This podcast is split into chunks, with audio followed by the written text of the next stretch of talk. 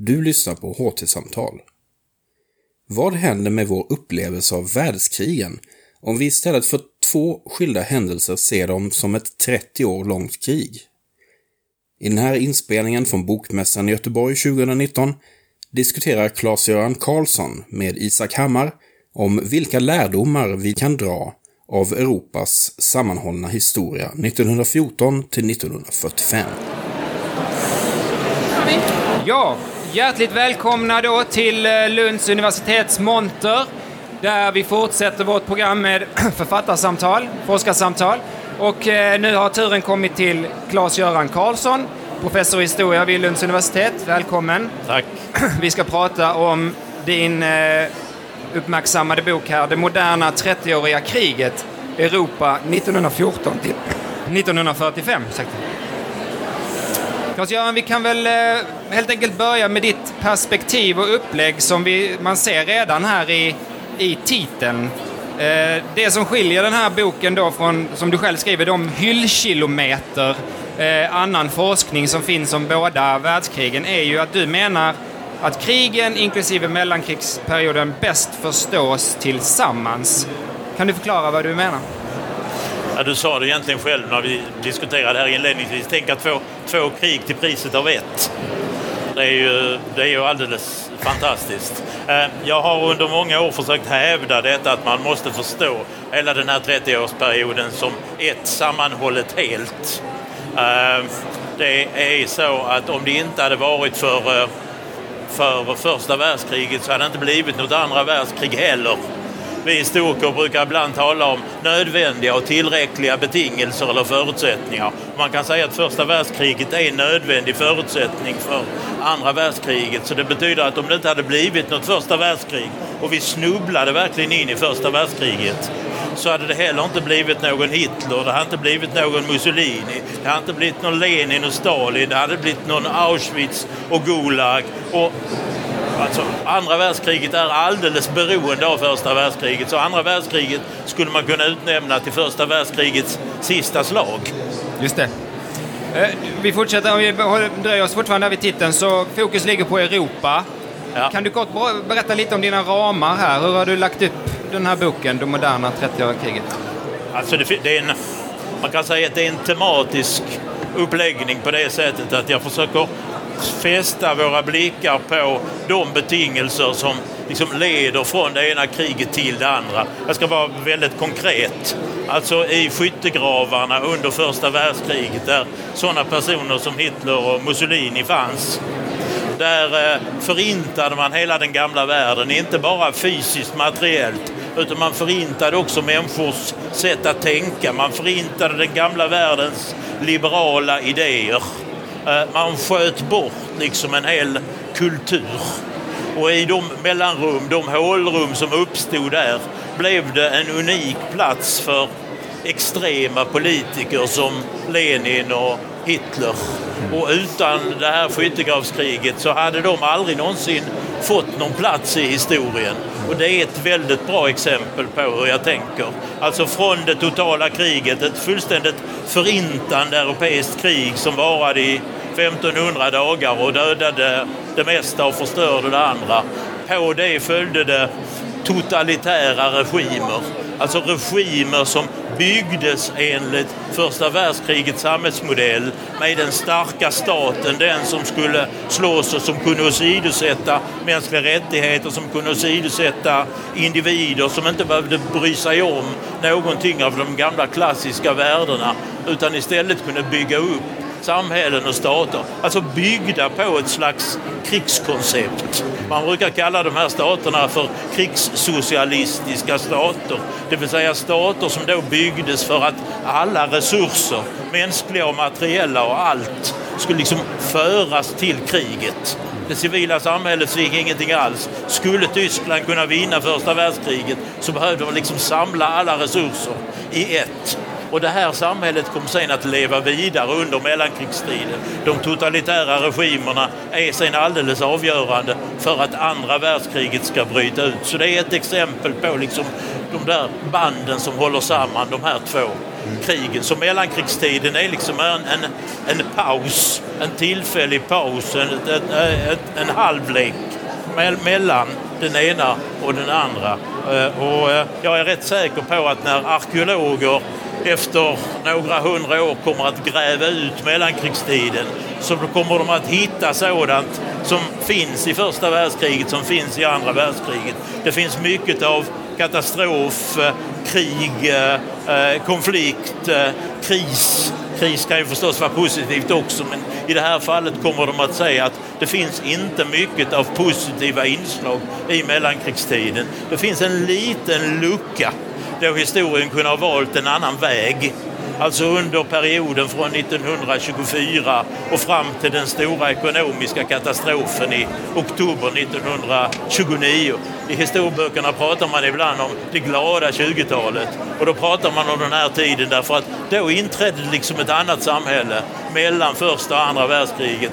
Men när Hitler tar makten i Tyskland och när ekonomin brakar sönder så blir det liksom ingenting kvar av det här utan det blir en ganska rät linje från det ena kriget till det andra. Jag är lite nyfiken på den här liknelsen med 1600-talets 30-åriga krig.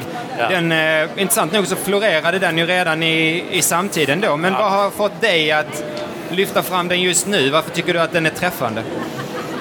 Jag tycker, jag tycker den är träffande på det sättet att även det första 30-åriga kriget var ett fullständigt eh, förödande, omdanande krig som liksom satte sådana spår i samhället så att efteråt så blev samhället inte sig likt igen. Och det var i båda fallen krig som drevs av idéer. Alltså det var liksom inte krig som drevs av ekonomiska intressen eller att man ville vinna specifika territorier. Utan på 1600-talet var det de stora religiösa idéerna man slogs om. Och 1900-talets 30-åriga krig är ett krig där man slåss med andra typer av idéer, alltså eh, totalitära ideologier, fundamentalistiska ideologier. Och det slog igenom både i kriget och sen i frederna efteråt. För det var en, frederna efteråt i Paris var, var lika totala eller totalitära skulle man kunna säga. Och det bidrog också att vidmakthålla konfliktnivån på en väldigt...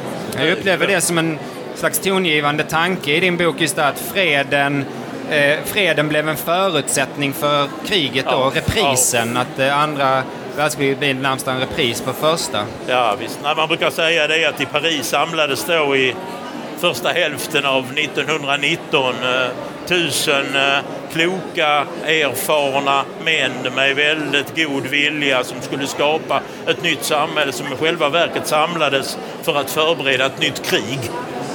Och sen måste man naturligtvis lägga till på slutet att det var ju inte vad de ville egentligen. Men utifrån olika förutsättningar som jag försöker beskriva i boken så kan man säga att resultatet blev det. Mm. Du tar ju i boken upp en rad exempel på kontinuitet under den här perioden. Både personer som är tongivande eller politiska konfliktlinjer, kulturella uttryck eller så här, ja. som binder samman 1914 till 45. Kan du ge några exempel på, för publiken? Alltså, ett av de viktigaste exemplen tror jag är att Europa efter första världskriget omdanas fullständigt. Vi hade, vi hade fram till, första, till och med första världskriget eh, fyra stora imperier i öster i Europa. Efter första världskriget blir de här nationalstater. Och vi är vana vid att tänka på nationalstater som någonting väldigt gott, som liksom en kontinuitet som leder fram till vår tid och det enda imperium som överlevde var Ryssland i sovjetisk dräkt istället. Men vad man ser under hela den här perioden, det är de stora problemen som de här nationalstaterna hade. Och det är banne mig problem som vi ser här idag också. Men det är till exempel problem med att folk inte ville leva som fredsmäklaren hade tänkt sig. För fredsmäklaren hade tänkt sig att ett folk skulle ha en nation, skulle ha en stat. Men så har man aldrig levt i Europa någonsin. Så det blev en enda etnisk eller nationell röra av det kan man säga. En ny organisation som hette Nationernas förbund lät människor i gränsområdena ibland rösta om vilket, vilken stat man ville tillhöra. Men i det stora hela klarar man inte av de här etniska konflikterna. Och tänker alltså att i hundratals år så hade, samhäll, så hade människor levt i stora imperier. De ekonomiska och de kommunikativa linjerna, de hade liksom täckt hela det här stora imperiet. Och plötsligt en dag 1919 eller 1920 går man in med en kniv och liksom skär bort hela det här imperiala sammanhanget för man ska skapa nationalstater. Jag har ett fantastiskt exempel på detta. Alltså Ungern var fram till första världskrigets slut en del av det stora Habsburgska imperiet, kungamakten Österrike-Ungern. En dag 1920, den 4 juni, så skrev man under en fred i Trianon i Versaillesträdgården där man tog 65 procent av det ungerska territoriet och placerade i andra länder. Ungefär lika många av ungrarna så att de hamnade i Tjeckoslovakien, i Rumänien och i det som sen skulle bli Jugoslavien. Och eh, ungrarna var förstås förtvivlade för det bröt ner hela samhället. Och eh, gissa vad Orban säger idag i Ungern när det händer någonting illavarslande eller när han vill skälla på Europa för att Europa släpper in alldeles för många flyktingar och annat. Jo, Trianon. Det är där hela det här eländet började. Alltså, Så man lever i Ungern i ett slags Trianon-syndrom som nu är nästa år 100 år gammalt och det är precis lika starkt fortfarande. Den här föreställningen om att Ungern blev litet och handlingsförlamat. Vi måste bygga ett större Ungern igen. Alltså ett slags eh, restaurativ dröm och de är farliga i historien. Mm. En annan sak som jag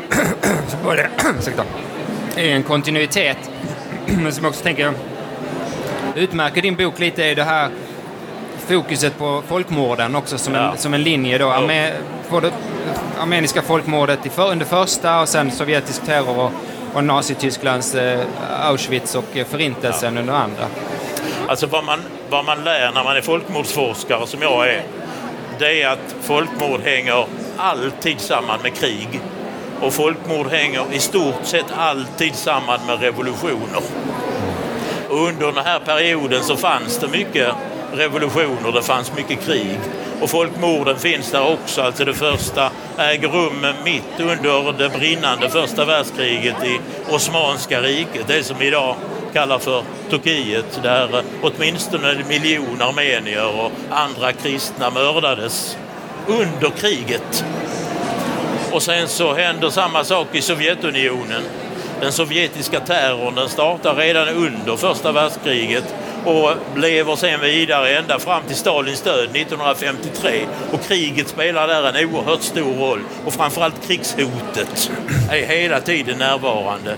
Och sen kommer förintelsen under andra världskriget och förintelsen kan man inte förstå utan andra världskriget. Det är inte säkert att förintelsen hade brutit ut om det inte hade varit för för andra världskriget och den situation som då Hitler hamnade i. Sen var det inte så att förintelsens linje liksom följde andra världskrigets linje utan man kan istället förvåna sig över att förintelsen levde liksom sitt liv medan andra världskriget levde ett helt annat liv. Hitler han, han mördade ännu fler judar när det gick illa i kriget.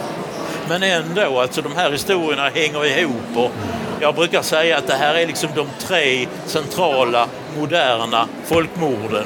Och det är ingen tillfällighet att de finns just under den här perioden som jag har skrivit om. Ett av eh, kapitel mest, eh, bokens mest spännande kapitel upplever jag är ditt avslutningskapitel där du pratar om just lärdomar. Eh, du skriver att vi själva lever i en tid som många uppfattar som mörk, hotfull, konfliktfylld. Kan du lyfta fram några av de viktigaste som du tycker eh, lärdomar vi kan dra av, av att de här två, alltså den finns, här långa perioden? Alltså vi historiker vet ju att det finns ju inte, det finns liksom inga absoluta lärdomar. Man, i så fall blir de så, så urvattnade så de nästan blir töntiga. Det vill säga att historia äger rum i syre. Det är ju förstås en lärdom, men det säger ju inte särskilt mycket utan man måste, man måste vara lite mer precis. Alltså man måste hamna på ett slags eh, medelanalytisk nivå för att man ska kunna diskutera lärdomar. Men en lärdom som ligger bakom allt det här, det är ju att ett stort krig aldrig kommer ensamt. Därför att betingelserna för det första kriget är sådana och fredsöverenskommelserna efteråt är sådana att de liksom pushar på en utveckling mot det andra kriget. Och vi, demokrati har vi pratat lite grann om men inte särskilt mycket. Det skulle vi kunna göra jättemycket. Och det är så att eh, ett stort krig befordrar demokratiutveckling I Sverige har man till exempel ett gevär, en röst. Så det var klart att när man hade kämpat i första världskriget så skulle man istället för gevär få en röstsedel i sin hand. Men alltså demokratin är också krigets första offer. Och de flesta demokratier som startades, det fanns 28 länder i Europa efter första världskriget. 26 av dem var demokratier 1920. När vi kommer fram mot andra världskriget är det fem kvar. Så demokratin går alltså under. Och jag skulle säga att det är spöket första världskriget som, som gör att den här demokratin går under. Några länder blir totalitära, sådana som Hitlers Tyskland eller Stalins Sovjetunion. De allra flesta de blir auktoritära, alltså leds av härskare som kanske inte så mycket är intresserade av demokratin utan snarare att beskära de liberala fri och rättigheterna. De finns överallt i Europa, Östeuropa. Och det intressanta är att de, de finns ju i Östeuropa idag också. De finns i Turkiet, de finns i Ryssland, de finns i Polen och de finns i Ungern. Och det finns en fungerande demokrati men det finns snart inte fungerande fri och rättigheter längre. Så det här med de auktoritära härskarna är oerhört viktiga. Alltså härskare som, som inte vill förändra någonting utan som vill skapa stabilitet och som vill ha makten för sig själv och som vill stödja sig på de gamla maktgrupperna. På 1920-talet var det liksom kyrkan och militärmakten och, och, och, och eh, alltså dessa gamla grupper och de vill inte släppa fram någon demokrati. Boken heter Det moderna 30-åriga kriget, eh, Europa 1914 till 1945. Tack så mycket Claes-Göran för att du kom hit och pratade om din bok.